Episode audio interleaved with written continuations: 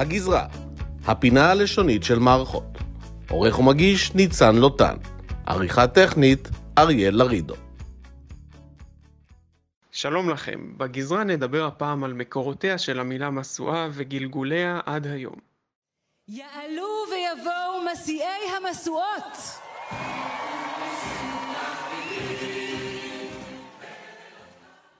בימינו כל מקור הפולט אותות מוסכמים כמו משדר רדיו ומקם קיבל את השם משואה, וכמו כן נושאת את השם משואה גם המערכת המבצעית שכל מפקד בצה"ל בדרג האופרטיבי הטקטי מכיר.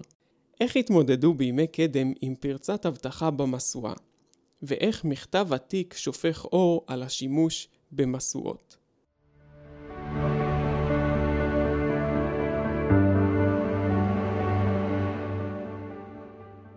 אפשר לראות בישראל משואות אש בהדלקת משואות הזיכרון ביד ושם, 12 המשואות ביום העצמאות ובהדלקת מדורות בל"ג בעומר. התיעוד הקדום ביותר של המילה משואה בצורתה הנוכחית עוסק דווקא במשואות כבות ולא בהדלקתן. וחיבוי משואה, כמו שאפשר להניח, לא מסמל דבר חיובי.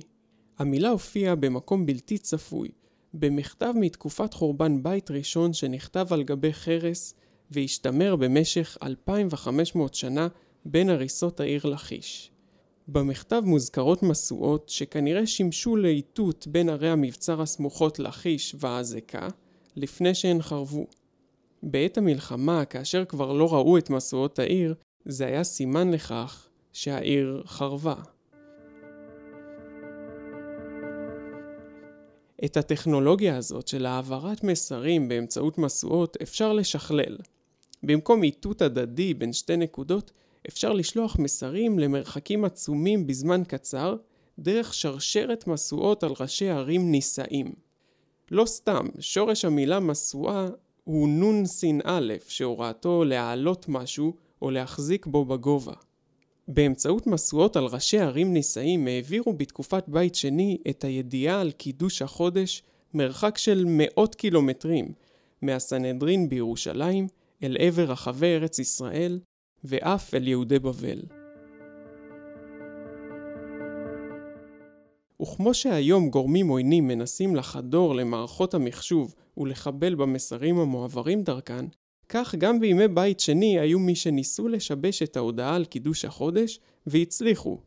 הרי זו לא בעיה להשים משואת שווא שתצית את כל השרשרת.